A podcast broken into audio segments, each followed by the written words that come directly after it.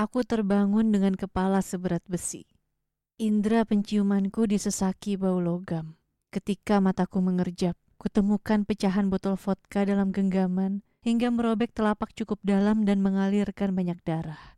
Berlumuran ke lengan, spray sampai dinding. Mengapa luka di telapak tangan bisa menguras darah sebanyak ini?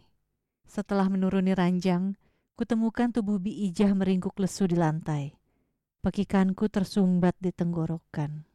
Dengan gemetar, kudekati tubuhnya yang lunglai. Kutemukan luka cabik di bagian dada sampai perut. Bagian-bagian tersebut masih mengalirkan darah ketika bahunya kuguncang. Kurasakan darah meresap ke pakaian ketika aku memeluknya.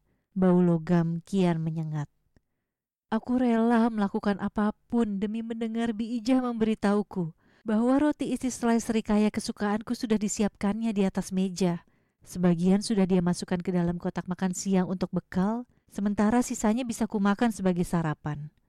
Aku sama sekali tidak menginginkan pemandangan sepasang mata Bi Ijah terpejam di wajah keriputnya.